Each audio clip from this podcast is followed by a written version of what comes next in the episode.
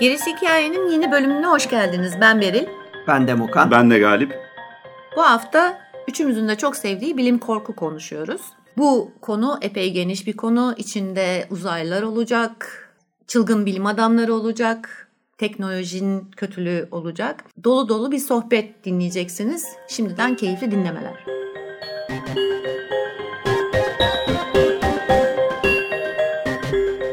Geldik gerisi hikayede gene eğlenceli, tartışmalı, herkesin çok iyi bildiği ama aslında çok az insanın e, hakim olduğu bir konuya. Bu da bilim kurgu ve bilim kurguda korku. Yani bizlerin tabiriyle, benim de kütüphanede falan çok fazla söyledim bunu. O yüzden üstümüze de yapışmış, üstüme yapışmış bir tabirle bilim korku konusuna. Şimdi biz 200'e yakın bölümdür korku anlatıyoruz, korku türünü anlatıyoruz insan ki insan öleceğini bilen tek yaratık olarak adlandırılıyor ve bütün trajedisi de buradan başladığı söyleniyor. O yüzden ölümlü anlatarak başlamıştık biz de ilk podcast'te. En çok ilgi duyulan, en çok saygı duyulan kısımlarsa ve günümüzde de en çok ileride olan anlatılarsa korkuyla alakalı genelde bilim kurgu üzerinden oluyor. Bu çok iddialı bir çıkış oldu farkındayım. Tabii ki işin içerisinde gotik hikayeler var, Drakula'sı var. Öbür taraftan yani Twilight'ı var, şu var, bu var. Fantastik düzlemin dışında insanların en çok etkilendiği ve en çok e, kabus gördüğü hikayeler genelde Alien gibi, Terminator gibi hikayeler oluyor. Bunların hepsi bilim kurgular. Ve bilim kurgu hikayesinin içerisinde korkunun bu kadar sinmiş, orada hazır bekliyor oluşu hep benim ilgimi çekiyor, beni cezbediyor. Onun üzerine düşünmek beni etkiliyor. Geriye dönüp baktığımda da aslında bizim korku adını verdiğimiz şeyin gotik korku ya da doğaüstü ya da fantastik korku olduğunu görüyorum. E, bilim kurgu icat edilip biri buna bilim kurgu diyene kadar. Ki ilk bilim kurgu eserlerini verenler de Edgar Allan Poe, Mary Shelley gibi aslında korkunun yazarları olan kişiler. Şimdi neden bilim kurgu diye bir şey konuşuyoruz? İlk önce bunu çok kabaca anlatayım. Çünkü bu işe çok uzmanlaşmış Türkiye'de bir sürü insan da var. Aslında benim getirip koyduğum tarih tam 1700'lerin sonu. Sanayi devriminin de özellikle kıta Avrupa'sında kendini göstermeye başladı ve Avrupa'nın da ezici bir şekilde dünyanın geri kalanına karşı üstünlük ele geçirdiği bir dönem. Bu sadece bir emperyalist bir dönemin işaret etmiyor aslında teknolojik ilerlemeyi de işaret ediyor. Tam bu dönemde bilimde bir e, atılım görüyoruz e, ve bilimin bu deneysel yapısıyla beraber geliştirmiş olduğu teknolojiler görüyoruz. Bu da toplumu da dönüştürüyor. Yani bu ne demek? Daha öncesinde çok daha fazla kırsal bir toplum dünya üzerinde görülür ve konuşulurken özellikle Avrupa özelinde daha sonrasında şehirlere toplanmış fabrikalarda çalışan insanlar, tarlalarda çalışan insanlar yerine fabrikada çalışan insanların evet. olduğu, şehrin kendine ait bir hikayesinin olduğu, sokak lambalarının olduğu ve teknolojik gelişmelerin eşliğinde işleyen bir dünya görüyoruz. Hatta şehirler dönüp baktığınızda çalışan makinalar gibi, fabrikalar gibi görünmeye başlıyor. Ne oluyor böyle olunca da? Daha önceden e, köylerde işte daha pastoral, daha doğaüstü, daha dinin tanımladığı ahlak hikayelerinin elinde gelişmiş olan anlatılar, çoğunluğu da korkuya yazılabilecek vakalar artık şehirli olan yeni genç insana çok fazla hitap etmiyor. Onların gerçeğiyle buluşmuyor. Neden? şehre gelen, fabrikalarda çalışan, yani e, düşük ve orta seviyeli gençler ya da insanlar artık köylerde yaşayanlar gibi fantastik bir hayal gücüne sahip değiller. Onlardan etkilenmiyorlar. Neden? Çünkü etrafları okyanusları aşan buharlı gemilerle çevrili. Büyük trenler sayesinde günler süren şehirler arası yolculuklar saatler mertebesine iniyor. Ve daha önce biz e, veri testi ve pulp edebiyatta konuşmuştuk. Bulunan yeni teknoloji sayesinde kağıt üretimi daha arttığı için hem gazete hem de kitap dağıtımı artıyor. Bu sayede de iletişim, bilginin iletişimi, hikayenin ve edebiyatın dağıtımı da kolaylaşıyor. Hı hı. Ve etrafında zaten fabrikalarda çalışıyorlar. Saat hesabı üzerinden geliyor falan. Son derece materyal bir dünya görüyorlar. Ayakları yere basan. Çok ufak bir şey ekleyeceğim. Burada çok güzel bir yere değindin. Çünkü bu dönemde aslında bilim sonradan bilim korkuyu besleyecek iki tane öğe çıkıyor. Bir tanesi her şeyi bilimle açıklama arzusu ve hırsı. İkincisi de her şeyi bilimle açıklama arzusunun getireceği kaos. ikiye ayırıyor insanları. Bir tane yani bir kısım diyor ki her şey bilimle açıklanmalıdır. Diğer kısımda diyor ki her şeyi bilimle açıklarsan insanların tabu saydığı bazı şeylere dokunursun Hı-hı. ve bu kaos oluşturur ve aynı zamanda bilime yapışırsan ileride bu kötüye kullanılabilir ve Hı-hı. insanlar üzerinde büyük bir galeyana sebep kitlesel olabilir. Kitlesel bir histeri yaratabilir evet, aslında. kitlesel bir histeri yaratabilir. Evet. Çünkü sonuçta aynı dönemde hani dedin ya fantastik şeyleri artık kabul etmeyip önlerinde duran bilimsel şeyler onlar için önemli hale Tabii, geldiği bilime saygı için, duyuluyor bilimsel Kesinlikle bunun içine din ve efsaneler vesaireler de giriyor. Hemen bir tane ekleme yapayım bak yeri geldiği için bu örneği söyleyeyim. Mesela dünyada en fazla insan öldürmüş olan bilimsel teori bildiğiniz gibi ırk teorisi. Bu Eugeni hikayesi. 1800'lerin ortasında ortaya atılıyor ve daha evvel dinlerin ya da hani bizden olmayanlar bunlar Tanrı'ya inanmıyorlar bunların hepsi cehennemlik diye milyonlarca insanı öldürmesinden ırk olarak bunlar bize ait değil daha alt seviyeli insanlar hı hı. ve bunlar dünyayı kirletiyor bunlardan kurtulalım İnsan diye. değil hatta. hatta evet, tabii alt tabii, insan tabii. değil mi pardon tabii, yani, insan. evet primat hatta diyerek daha fazla insanları e, öldürmesi etmesi söz konusu oluyor. Bu da bilimsel bir teori olduğu söylenerek yani bilimin arkasına sığınıp evet. onu destek olarak alıp hatta e, ortaya atılan bir şey. E, ne oldu? E, canavarımız hala aynı canavar. Kötülük ve milyonlarca insan ölüyor. Ama şeyimiz, söylemimiz değişti. Platformumuz, bizim üzerine koyduğumuz zemin değişti biraz. Çünkü insanların saygı duyduğu zemin artık farklı. Ki bu da e, bir başka gene bilim korkunun dalını yaratıyor. O da genetik korkusu. Hı hı. Yani hem genetik hem de biyoloji korkusu. Yani Mutasyon biyoloji, işlemiştik mutas, değil mi bunu? Tabii evet, tabii evet. tabii. Yani e, bunu çılgın bilim adamından tut işte bir takım insanları yönetebilmek için veya gücü elde edebilmek için kullanılan ya asimile için kullanılan yöntemlerden bir tanesi bu sonuçta. Evet,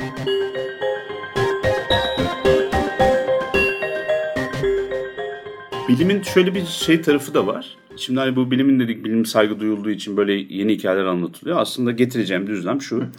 Yani hikaye anlatma her şekilde aynı şekilde devam ediyor. Hiç değişen bir formu yok. Hikaye anlatılıyor. Neden? Heyecan yaratacak korkunç insanda bir tiksinme uyandıracak, kendini de tehlikedeymiş gibi hissedecek bir ruh haline sokacak bir şey anlatılıyor. Bu ne demek? Bu korku hikayesi demek. Korkunun hangi düzlemde anlatıldığı ve sınırları belirliyor. Yani şimdi siz millet okuluna göre Thales'in, işte Anaximenes, Anaximandros'un dahil olduğu bakış açısıyla bu dünya üzerinde gerçekleşen her şey bu dünya üzerindeki şeyler sayesindedir. Doğanın güçleri falan derken tanrıları aramamak lazım. Fırtınayı rüzgar ve toz yapar diye ele alıyorsanız bilim kurgu yaklaşımı oluyor. Ve bu milattan önce 300 civarından biri de var. Belki de 500'den biri bu yaklaşım var. Ama ne zaman ki dünyanın gizemlerine cevap verme kısmı bilim tarafından sağlıklı bir şekilde yerine getiriliyor. İşte o anda da insanlar büyünün elinden alıp bilime veriyorlar. Hı hı. Şey, saygı duyulan şey asasını diyeyim. Gücü. Ki, gücü, gücü evet, erki. erki. Ki bu da aslında şöyle belki de açıklanabilir. Hani milattan önce 300-500'de tam bir sisteme oturmuş değildi bilim. Fakat ne zaman e, bilim kendi sistemini yarattı, yani kendi prensiplerini yarattı Hı-hı. ve o prensiplere uymaya başladı, Hı. izlemeye, takip etmeye başladı.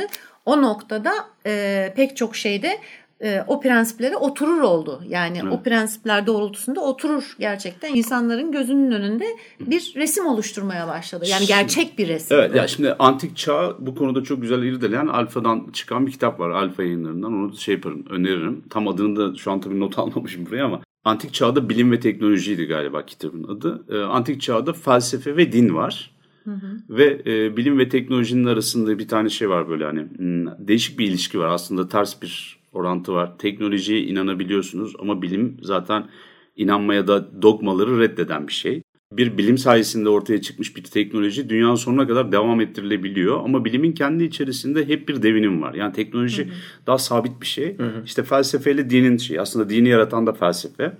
E, bu dediğim gibi millet okulu da aslında felsefi olarak bu sorunlara cevaplıyor. Evrenin ve dünyanın gizemlerine. Ama ne zaman ki din ele geçiriyor ve ondan sonra birazcık daha baskılıyor orada kalıyoruz. Ama şunu unutmamak gerekiyor. Antik çağda Yunanlılara o zıplamayı yaşatan şey gerçekten de bu felsefi dönüşüm ve sanıldığından çok daha ileri gidiyorlar teknolojik anlamda da. Yani mekanik e, bilimi falan da ilerlemeye başlıyor. Yani oradaki mühendislikler falan tahmin ettiğimizden çok daha ileri seviyede. Karanlık çağ var bizim elimizde. Karanlık ve orta çağ dönemleri. O dönem Roma'nın, antik Yunan'ın bazı bilgilerinin diyeyim artık unutulduğu bir zaman. Şimdi böyle deyince çok edebiyat oldu ama böyle bir şey de var. Yani böyle bir gerçeklik de var. Bir yandan da şunu unutmamak gerekiyor. Bilim her şeyi de bilmiyor. Zaten bilimin bence en güzel tarafı bu. En çekici tarafı. Bilim kendisini tekrar tekrar genişletip geliştirebiliyor. Ve bu sayede de hani dogmatik şey olmuyor. Yani babanızın bilimiyle torununuzun bilimi aynı şey olmayabiliyor ve bunda bir sorun yok. Çünkü bilim böyle bir altyapı da sağlıyor size. Ve her defasında da yeni keşifler vesaireler de hani coğrafi keşifler de işin içine geliyor. Bu Hı-hı. buharlı gemileri söyledim ya böyle hani okyanusları aşıyorlar, güçlü şeylerimiz var artık falan. Bunların sunmuş olduğu bir e, şey var ortada bir e, beslediği bir hayal gücü var. Artık fabrika insanı diyeyim artık. Daha farklı hayalleri özümsemeyi seviyor. Yani uzak denizlerdeki maceraları, keşifleri arzuluyor mesela. Bilimin dahilinde anlatılan açmazları ele alıyor. Bunun bulunduğu dönemde de çağda da insanlar daha farklı hikayelere giriyorlar ve bilimden de aslına bakarsanız korkuyorlar. Evet. Ve o yüzden de hani bilim kurguyla korku başlangıçta özellikle birbirine çok yakın. Yani bu ilerlemelerin yaratmış olduğu bir ürkütücülük var. Orada bir gölge var böyle. Hani oradan ne çıkacağını bilemedikleri için insanlar ya da bir şey çıkmasından korktukları için bilim korku tabir edebileceğimiz hikayeler yazmaya başlıyor.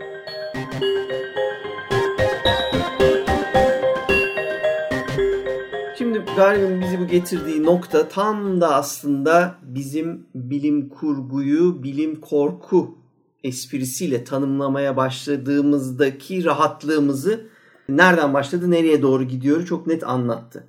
Bilim kurguya baktığımız zaman çünkü benim çocukluğumdan beri en ilgimi çeken konulardan biri doğal olarak hani e, neredeyse korku meraklısının bütününün geçmişine bak.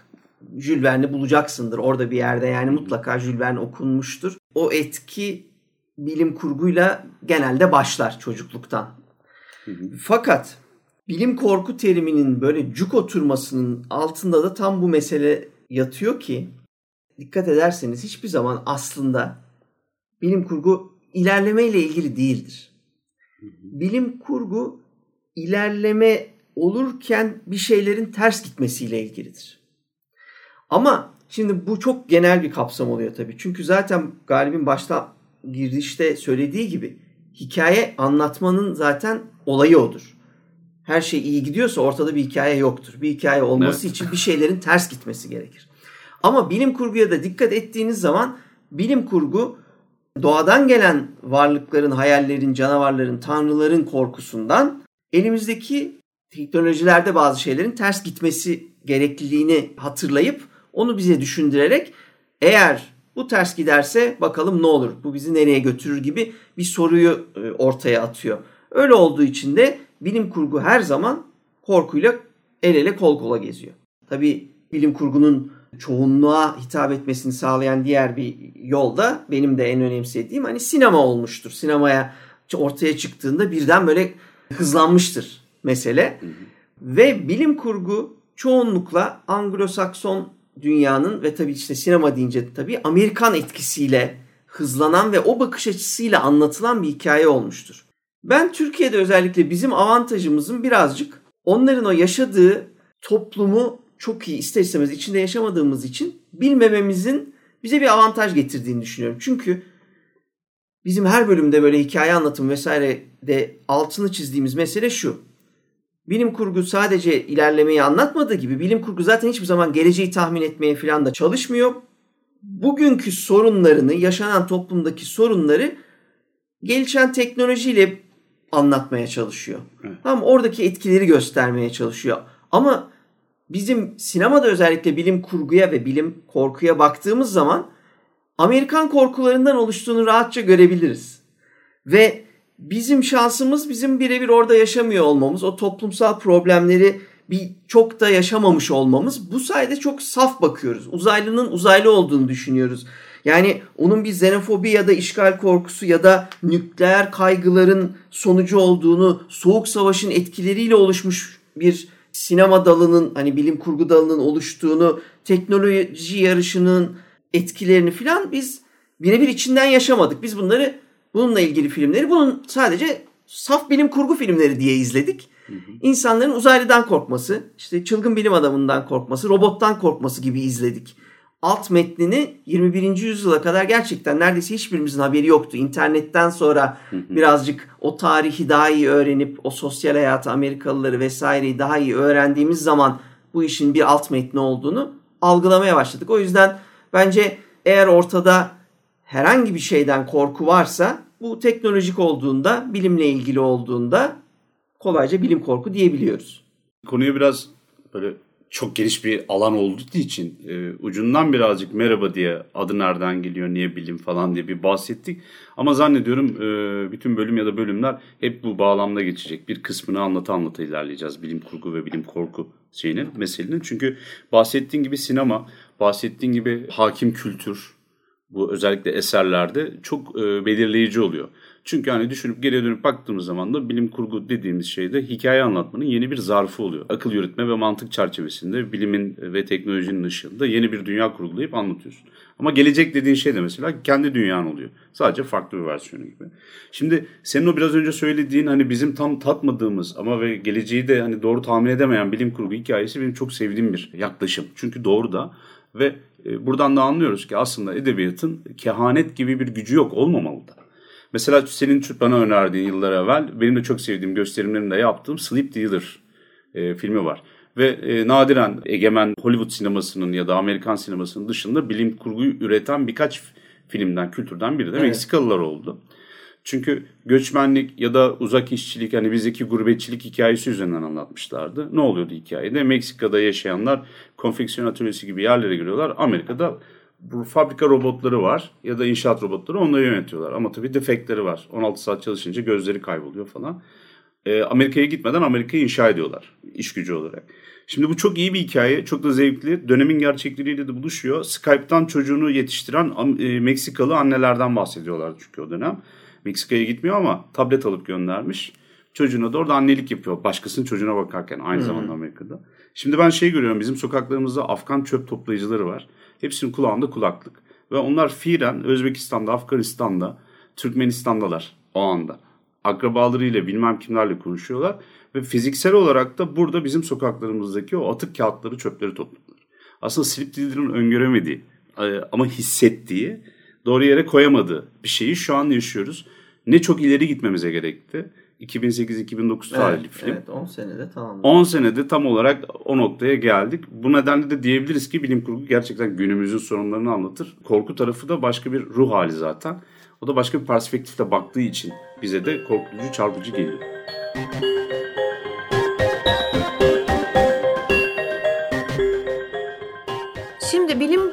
korku aslında iki devasa temanın bir kesişme noktası ve her iki devasa temadan daha büyük bir tema yaratıyor. Hmm. Bunun sebebi de zaten bilim kurgu çok geniş. Yani e, mümkün olan her yani bilimin el attığı her alanda bir konu yaratabiliyor, bir hikaye yaratabiliyor. E, korku deseniz zaten e, bizim primitif e, duygumuz, bizim hayatta kalma sebebimiz ve e, en çok ihtiyaç duyduğumuz ve aynı zamanda da refleksimiz. İkisi de aslında çok eski. Yani insanlığın başlangıcından beri aslında hem bilim kurgu da var, korku da var. Ki düşünecek olursanız hani e, ilk insanların işte gökyüzüne bakarak bir takım şeyleri gözlemleyerek e, çıkarmaya çalışması aslında bu da bilimin ilk adımları sayılır. Veya hı hı. havayı tahmin etmeye çalışmak hı. veya coğrafyayı tanıyıp o coğrafyadaki değişimler doğrultusunda kendi yaşamlarını e, kurmaları bunlar aslında hep bugünkü bilimin e, ilk adımları sayılır. E sonuç olarak şimdi bu iki temada çok eski ve çok geniş birleştiği zaman ortaya muazzam bir şey çıkıyor. Çünkü hem bilim kurgu korkudaki bütün unsurları kullanabiliyor hem korku bilim kurgudaki bütün unsurları kullanabiliyor. Böylelikle karşımıza e, sayısız hikaye çıkıyor. Yani bugün hala belki yazılmamış bir şey vardır diye düşünmeden edemiyor insan. Hani evet. Hani hep biz, biz diyoruz ya mutlaka yazılmıştır bir yerlerde diye. Hı hı. Ama ben hala söz konusu bilim korku olduğu zaman mutlaka bir yazılmamış bir şey olabilir. Yani birileri çok farklı düşünebilir. Yani o çerçevenin bildiğinden hani sonuçta hepimiz öğrendiklerimizle yoğruluyoruz. Hepimizin ortaya çıkardığı hikayeler ya gözlemlerimizden ya duyduklarımızdan ya okuduklarımızdan ya seyrettiklerimizden ya da tecrübe ettiklerimizden işte yani sonuçta. Hı hı. Ama bu dünyada hep var oldular. Yani kendi varlıklarının ötesinde düşünmeyi becerebilen insanlar var ki H.P. Lovecraft mesela hmm. kozmik korkuyu ortaya attığında hmm. o dönemde kimse hani belki evet ufak tefek düşünmüşlüğü vardı eski felsefecilerin vesairelerin ama o kadar bariz bir şekilde ortaya koyamamıştı. Evet. Tabii güçlü bir arzı da var onun. Yani inatla 15-20 yıl boyunca sadece bu konuya eğilmiş bir adamdan bahsediyorsun. Evet. Şimdi olay böyle olunca tabii pek çok konuyu içeriyor. Bizim iki bölümde veya üç bölümde hani beş bölümde bile kapsamamız mümkün değil. Yani ömür boyu da konuşabiliriz bunun üzerine ama tabii gerisi hikayenin tarzı bu değil.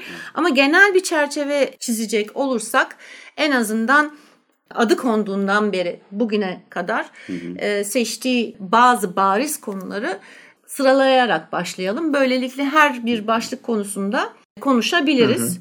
Hı hı. E, hatta araya şeyi de koyabiliriz. Yani alt meseleleri de e, ekleyebiliriz aklımıza geldikçe. Çünkü ben bir listelemeye çalıştım. İş 50'yi geçtikten sonra bıraktım artık dedim terimi sildim şöyle anımdaki ve dedim ki tamam yani bu böyle olmayacak. En iyisi ana maddeleri belirleyelim diye. İlk önce bir kere ne dedik? Gökyüzüne bakıyoruz her zaman. ee, bu da dünya dışından gelen varlıklarla ilgili bir korkuyu oluşturuyor. Burada tamamen uzaylı korkusundan bahsediyoruz. Bilim korkunun en büyük temalarından, en ana temalarından bir tanesidir uzaylı korkusu. İkinci olarak ilerleyen bilim geliyor. Demin Galip sen çok güzel bir noktaya değindin. Demokan sen de onun altını çizmiştin. Bilim ilerledikçe pek çok şeyi açığa kavuşturuyor. Fakat aynı zamanda hayatımızı kolaylaştırıyor gibi görülen şeyler bir yanıyla da hayatımıza zarar veriyor olabilir. Şimdi mesela radyasyon bazı şeylere yarıyordu ama zamanında onları ruj olarak kullanan insanların, evet. kadınların çenesi düştü tabii. gibi. Yani Radyum etkilerini evet. tabii tabii. E, etkilerini e, uzun sürede gördüğümüz teknolojik değişikler, bilimsel değişkenler ki bilimin kendi değişken olduğu evet. için öngörmesi zor bir takım korkular var. Doğru. E, bunu içeriyor. Ya şimdi aslında senin biraz önce söylediğin ilk şey vardı ya o önemli. Şimdi bu xenofobi üzerinden tanımlıyoruz ama yabancı uzaylı korkusundan aslında bahsediyoruz. Şimdi bilim korkunun normal korkuya karşılık olarak koymuş olduğu önemli bir durum. Ama aynı zamanda korkunun genlerinde olan bir durumu açık etmesi söz konusu. Bu ne demek? Şimdi gotik korkuda, doğaüstü korkuda hangi canavardan zarar göreceğini biliyorsun. Neden? Çünkü gotikte ya da hani doğaüstü korkuda eğer doğaüstü bir dünyada, fantastik bir dünyada yaşıyorsa kabuller üzerinden ilerliyorsun. Nedir, nedir bu kabuller? Hayaletlere inanıyorsun mesela. Sonsuz hayata inanıyorsun. Günahlara inanıyorsun, şeytana inanıyorsun, Tanrı'ya inanıyorsun falan. Şimdi bunlardan ayrı ayrı korkabiliyorsun tamam mı? Ama bunların hepsi tanıdığın, bildiğin şeyler, bildiğin şeytanlar.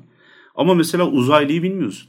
Ve o yüzden hani bu kozmik korku makalesinde bilim yani e, doğaüstü korku makalesinde Lovecraft'ın özellikle altını çizdiği şey bu bilinmeyen korkusu diye. Uzaylı mesela tamamen yeni bir şey. Ne çıkacağı belli değil. Öyle bir korku getiriyor mesela bilim korku dediğinde. Onu ben mesela özellikle ayrı ayrı tutuyorum. Bir de küçük gene günümüz dünyasından biraz da komik olacak soft bilim kurgu gibi bir anekdot söyleyeceğim. Notification'ları biliyoruz değil mi? Cep telefonlarımıza mesaj geldiği zaman mesaj geldi diye ekranda yazıyor. Şimdi bu notification nanesi bulunmadan evvel ne zaman ne şekilde iletişime geçeceğimize biz karar veriyorduk. Açıyorduk bakıyorduk. Aa mesaj gelmiş okey. Ya da gelmemiş ona göre cevap yazıyordunuz. Şimdi notification gittiği için ve bu da görüldüğü işareti öbür tarafa gittiği için yeni bir iletişim türü tanımlamak zorundasın. Ama sen teknik olarak dinozordan biraz daha gençsin yani. Ve bu yeni bulunan şeyler de teknolojide senin hayatını daha önce olmadığı şekliyle değiştirmeye, dönüştürmeye başlıyor. Burada da bir, bir, bir bozukluk, bir çarpıklık var. Mesela bunun da bir yerde gene bir korkusu, hikayesi anlatılabilir. Hı hı. O mavi tıkı görme korkusu yaygın bir şey galiba evet. zaten WhatsApp'ta.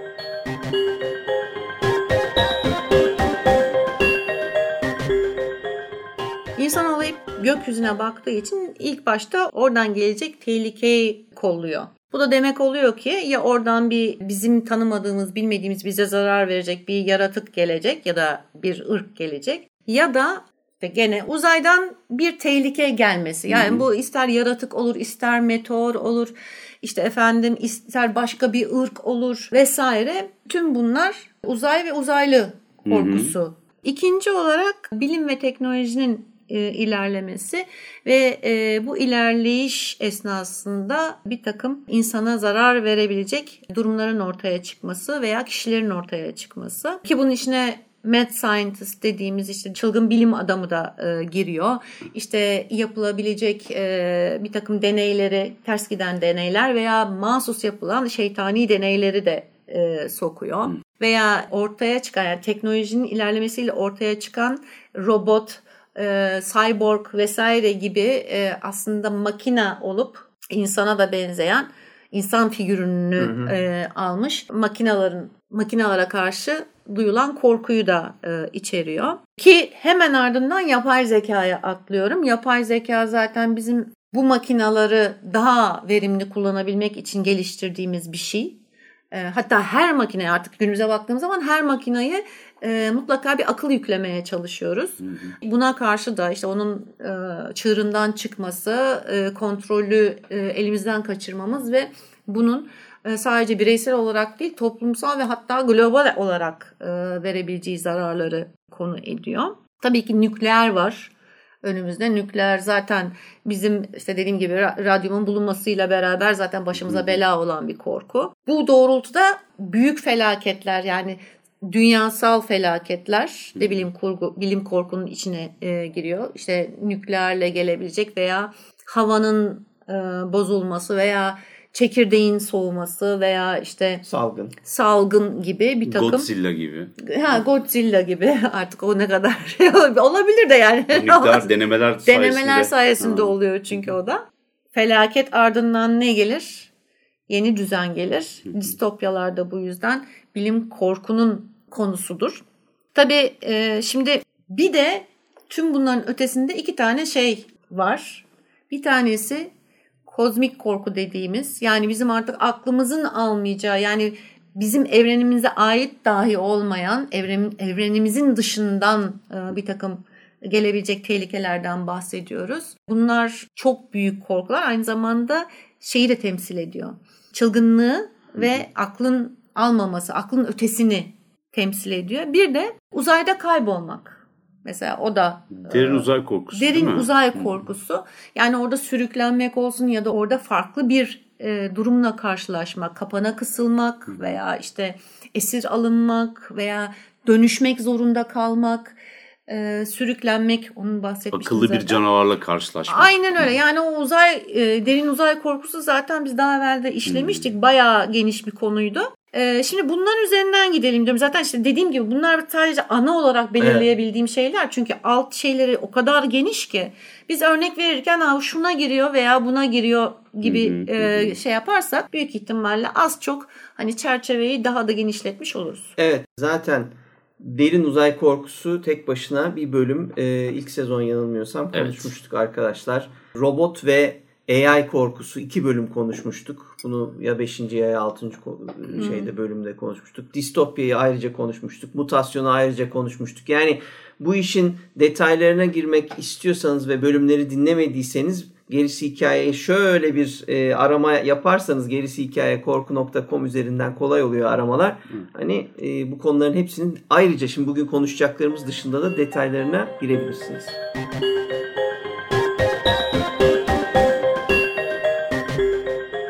Şimdi benim biraz önce söylediğim ve 50'de artık havlu attım falan dediğin o sayma işlemi bana şeyi düşündürüyor. Şimdi biz burada bilim kurgu korkuyu konuşuyoruz ya.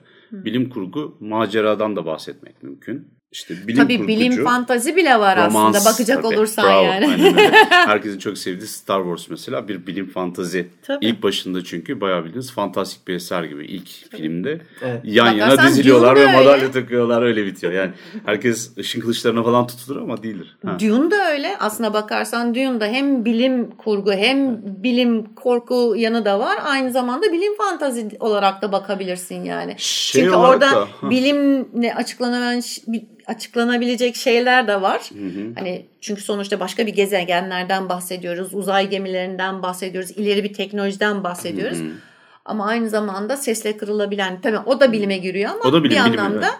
bir anlamda fantaziye de atıfta bulunabiliyor O yani. şeyin fazla gelişmiş olan bilimin bize büyü gibi görünmesi Arthur İşte C. Clarke. Arthur C. Clarke söylemişti. 1954'te Tabii, tabii, söylüyordu tabii, bunu. tabii. Bu, bu, bu geçmeden bir bilim kurgu bölümü olamaz. Olamaz. E işte Evet. tabii işte bu, bu, bu sonuçta da aynı zamanda bilim fantezi denebilmesinin sebebi bu.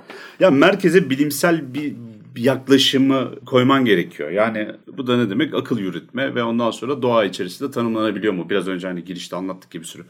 Öyle bir şey olduğu takdirde oluyor. Öbür türlü Dune'un içerisinde bizim henüz algılayamadığımız ama metodik olarak izah edilmeye çalışılan yöntemler var. Ama hala bilim kurgu gibi duruyor. Çünkü milattan sonra 10 bin, 12 bin gibi bir şeyde geçiyordu galiba. Bilim kurgu romans var.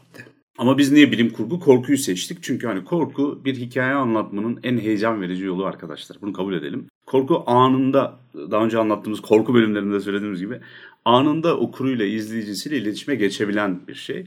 Ve ortada bir şey gördüğünüzde sizi doğrudan rahatsız etmese bile korku sayesinde egzajere ederek, abartarak anlattığınızda başka yönlerini de ele almanızı sağlayan, her şeyi daha büyük büyük göstermeyi sağlayan da bir şey. Yani korku bilim kurgu söz konusu olduğunda o büyüten şeyin, o büyüteçin e, camı gibi. Tamam mı? Onun sayesinde artı veriyor ve biz yeni bir evrene girip aslında daha henüz yaşamadığımız bir şeyleri çok da e, gerçek haliyle kocaman kocaman görerek bakıyoruz. Şimdi bu, bunları neden söyledim? Çünkü bu yaklaşım hikayesi her şeyi değiştiriyor. Bilim kurgu lafını 1851'de William Wilson adında bir e, yazar bir makalesinde ilk kullanıyor. Hatta bir kitabın eleştirisi üzerine yazılmış bir kitabında. O da diyor ki artık işler öyle bir seviyeye geldi ki bilim de çok tutuluyor, çok da saygı görüyor. Doğa felsefesi derler 1800'lerin başında ama 1850'de artık bilim diye bir şey var. Hatta e, şeyi de çok söylerler.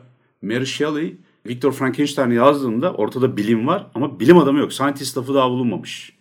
Yani öyle bir e, geleceğe dair bir öngörüsü olduğunu söylüyorlar böyle e, kadının. E, William Wilson da diyor ki artık şunun adını koyalım. Nasıl ki fantastik şeyler, doğaüstü e, durumlar e, ya da tanrısal şeyler üzerinden bir hikaye anlattığımızda e, bir elimizde bir romantik bir poet oluyorsa bilimin yönettiği ya da bilim kurallarına göre tanımlanmış, algılanan bir dünyada da hikaye anlatılabilir. Gelin biz de buna diyor işte hani gerekiyorsa bilim kurgu diyelim diyor. Ve biz hepimiz de ilk duyduğumuz anda bilim kurguyu bilim zannediyoruz. Değil aslında. Sadece bilimin üzerine yerleştirilmiş bir kurgu halinde bakmamız gerekiyor. Bir tek şey söyleyeceğim. Şunu doğrulamak için giriyorum. 1926'da Amazing Stories çıktığı sırada daha 1929'a kadar scientific fiction diyorlar. 1929'da science, sci-fi, science fiction denmeye başlıyor. Amazing Stories'in mesela 26'daki giriş bölümünde scientific fiction olarak geçiyor. Amerika'da bunlar scientific fiction derlermiş 29'a kadar. 29'da science fiction denmeye Bu başlanmış. 1851 makalesinde science fiction gibi bir şey okuduğumu hatırlıyorum. İngilizcesine bir daha bakıp kaynaklarına Tamam, belki netleştiririz. bilmiyorum. Ha, yani öyle bir Hani durum biri var dedi, çünkü. Hani evet evet ama science fiction lafı bir geçiyor. Ayrım çok güzel bir ayrım. Yani e, science fiction bilim değildir.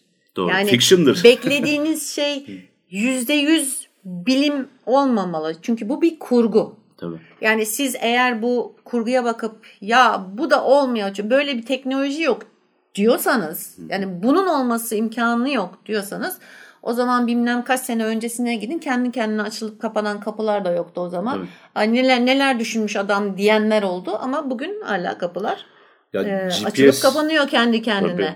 Yani bir şeye birazcık daha geniş bakmak lazım. Yani bilimi de belli bir dar çerçevenin içine sokmamak gerekiyor. Evet. Asimov'un robotların beynini tanımlarken kullanmış olduğu bir kuantum teknoloji var. Şimdi ne öyle bir kuantum ne de öyle bir teknoloji var. Ee, ve büyülü obje aslında. Ama anlatırken, tanımlarken bu büyülü bir objedir demiyor.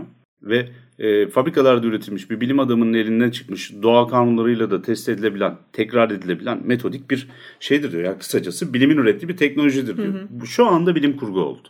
Evet. Ee, biz bunu Tanrı tarafından ilham aldık göklerden geldi bu bilgi falan dediğinde topu taca atmış oluyorsun fantastik tarafa doğru. Sen biraz önce o listeyi yaptık ya böyle hani uzun uzun konuştuk. Şimdi onların sebebi bana sorarsanız bilim kurgunun muazzam bir zarf olması. Zarf ne demek? İçine bir şeyleri koyabiliyorsunuz demek oluyor. Çağın dönemin bütün korkuları aslında hep bir alt tür yaratmış bilim kurgu söz konusu olunca. Şimdi aslında bu kadar alt türünün olması ve yeni alt türleri de açık olması diyeyim. Yani sonsuza kadar devam edecek bir alt türünün de olduğunu, böyle bir potansiyelin olduğunu görebiliyoruz. Olmasının sebebi aslında bilim kurgunun yaşanan dünyayla çok göbekten bağlı olmasından ileri geliyor. Bu ne demek? Aslında her yerde bir korku hikayesi anlatmak mümkün. Neden? Çünkü korku insanın olduğu her yerde geçerli oluyor. Çünkü korku bir mood, bir ruh hali meselesi bir yerde. Karşınıza çıkan canavarlar ayrı konu. Fakat onların sizde yarattığı tahribat, özellikle zihinde, içinizde hissettiğiniz şey demek korku. Ve korku hikayesi buradan anlatılabiliyor. İşin içinde insan varsa korku anlatabilirim. Bir. İkincisi bilimsel olarak kurgulanan bir dünyanın içerisinde her türlü tehlike ve e, teknolojik gelişme tartışma konusu olabiliyor bilim kurguda. Yani üzerine bir şey konuşabiliyorsunuz. Bir spekülasyon yapabiliyorsunuz. Zaten korkuda, bilim kurguda spekülatif türler altında, kurmacalar altında sıralanıyor. Şimdi insanların ölümden bilim sayesinde kurtulabilme hikayesi Mary Shelley bunu yazdığı zaman Frankenstein canavarı hikayesini hı hı. yazdığında popüler bilimde tartışılan bir şey yarın öbür gün elektrik kullanımımız, elektrik çünkü çok büyülü bir şey o zaman, e, potansiyeli tam anlaşılmamıştı bir şey. Elektrik sayesinde elektrik kullanarak ölümü bile belki alt edebiliriz. Çünkü kasları hareket ettirtebiliyoruz diyor galvanizmde vesaireyle. Şimdi ne oldu? O dönemin bir tartışması e, hikayenin konusu haline geldi. E, geldi edebiyatta bunu tekrar kendisi bir daha yorumladı. Ki bu arada bu gerçekleşti. Şöyle gerçekleşti. Bu yeniden canlandırma olayı da tam da bu aslında. Bugün uygulanan yeniden canlandırma prosedürü. Yeniden canlandırma derken şey değil mi? E, kalp masajı tabii, tabii, elektrikle tabii, tabii, şey, ne, ne, elektrik. edükasyon dedikleri tabii, tabii, tabii. Evet. Şimdi o dönemin her türlü bilimsel gelişmesi ya da tartışmaya e, konu olmuş, e, gündemde olan her şey bilim kurgu konusu olabilir. Yani bir alt tür haline gelebilir. Siz gidip Antik Mısır'da e, piramitlerin yanında büyük büyük mezarları açmaya başlıyorsunuz. 1920'lerde falan oturup insanlar tekrar diyorlar ki e, işte hani arkeolojinin getirmiş olduğu mumyaların bulunması ile alakalı hikayeler anlatmaya başlıyorlar. Mesela kozmik korkunun bir kısmı da böyledir. Lovecraft'ın 20'lerde yazdığı hikayelerde çok fazla ölümden geri dönmek ama bilim insanları sayesinde, onların araştırmaları sayesinde bulunmuş e, eserler ve kayıp şehirler üzerine geçer. Ondan sonra radyumun bulunması ya da e, radyoaktivitenin teknolojide kullanılabiliyor olması ile alakalı bir şeyler yapıyorlar. Radyum kızlarının alıp dudaklarına böyle sürerek boya yapmaları da galiba nükleer bir elementin en ilkel kullanım yöntemi. Yani çünkü kol saatinde parlasın diye boyuyorlar sadece. Daha nükleer bomba ya var yani. İşte Oppenheimer'in falan testleri var. Evet. E, 1940'larda 50'lerde nükleer bomba sonrası değişen dünyada insanlar iki türlü düşünüyorlar. Birincisi bomba kafamıza gelir mi? İkincisi bu yüksek enerji formu sayesinde dünyada işler çok değişir mi? Teknolojik atılım da söz konusu. Bilim kurgu macera, bilim kurgu korku burada da gelişiyor. Bakın gene hala günümüzde de. 2000'ler başında hatırlayın nanoteknoloji çok tartışılırdı nanolu duvarlar vardı mesela hani kolunu yaklaştırsın. Kendini temizliyor filan bir de filan. Evet. Evet evet. Ee, işte hani ne zaman ki bilim ya da hani gündem haline gelmiş bilimsel bir şey varsa, e, konu varsa onun üzerine mesela bir bilim kurgu, bilim bilim korku hikayesi yazmak mümkün. O yüzden alt türleri de geçebiliyor. Yani yenilmez, kendini sürekli yenileyen, insan var oldukça devam edecek bir edebi türden bahsediyoruz.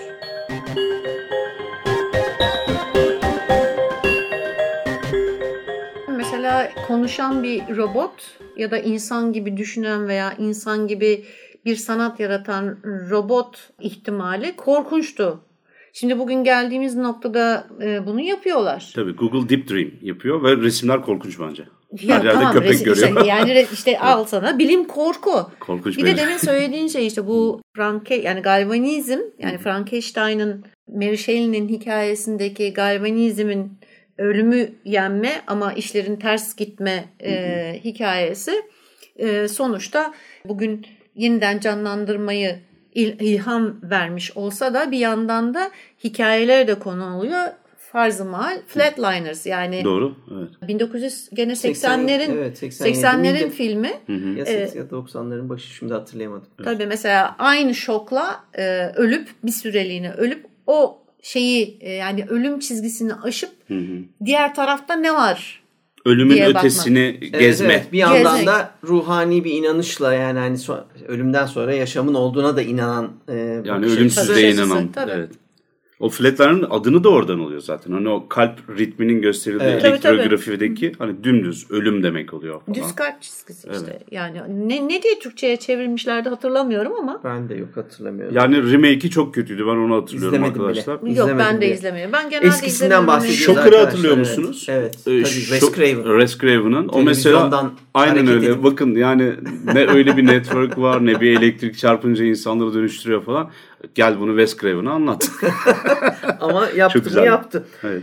Hardcore bilim kurgucular, bilim kurgunun tek başına işte olması, işte hard- hardcore korkucular onun tek başına olması gerekliliği filan noktalarında durduklarını biliyoruz. Biz neredeyse hiçbir zaman o noktada olmadık. Biz sürekli bunların birbirinin içine harman olan konular olduğunu göstermeye çalıştık, açıklamaya çalıştık. Ayrıca o diğer bakış açısına göre terbiyesizce bilim korku gibi laflarda türetme, üretme potansiyeline sahip bir ekip var karşımızda. Çok terbiyesiziz. Evet 5 yıl Evet. sonra kendileri kullanacak ama. Ama bu biraz da şeyden işte geliyor. Yani konuyu e, sürekli kendi istediği açıdan ve dar e, bakma çabası işi kolaylaştırıyor ya.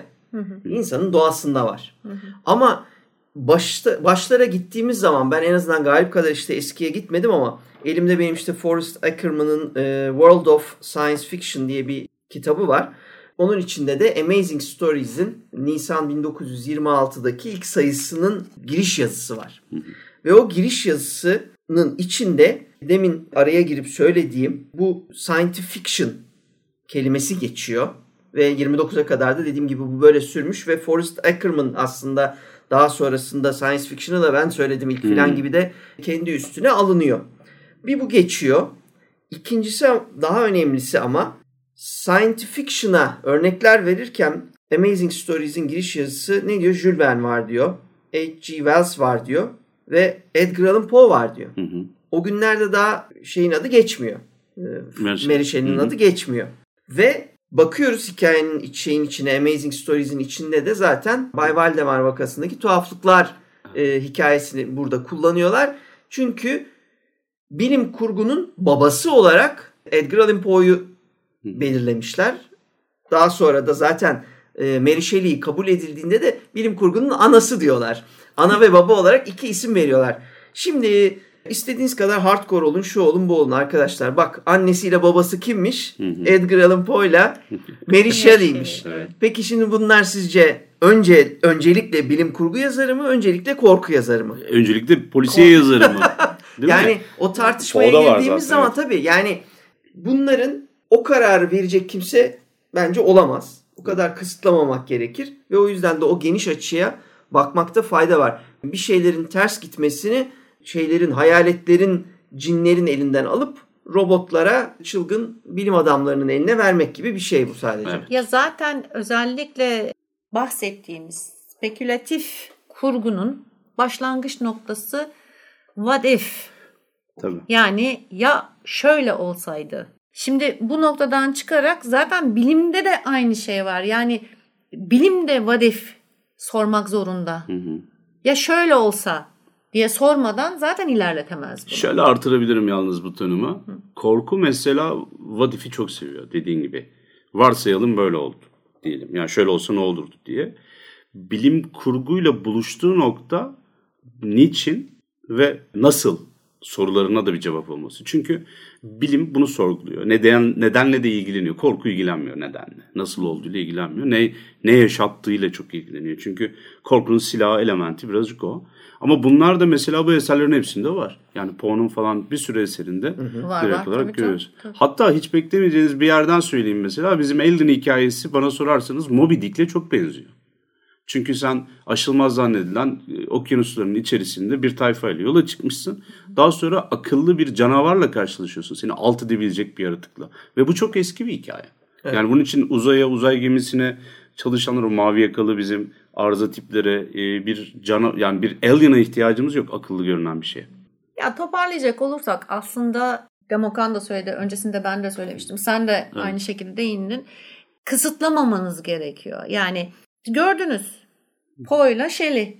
Yani bunlar aslında bizim korku türü üzerinde çalışanlara ve bu yola baş koymuş ve kalbini vermiş e, özellikle yazarlar için e, baş tacıdır bu ikisi.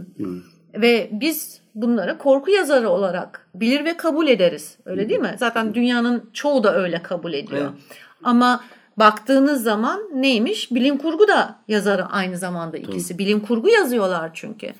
Ve ben en azından üçümüz için söyleyeceğim. Bizim hepimizde de bütün bu yıllar boyunca beraber çalıştığımız için hepimiz birbirimizin hikayelerini biliriz. Nasıl ortaya çıktıklarını, nasıl şekillendiklerini vesaire.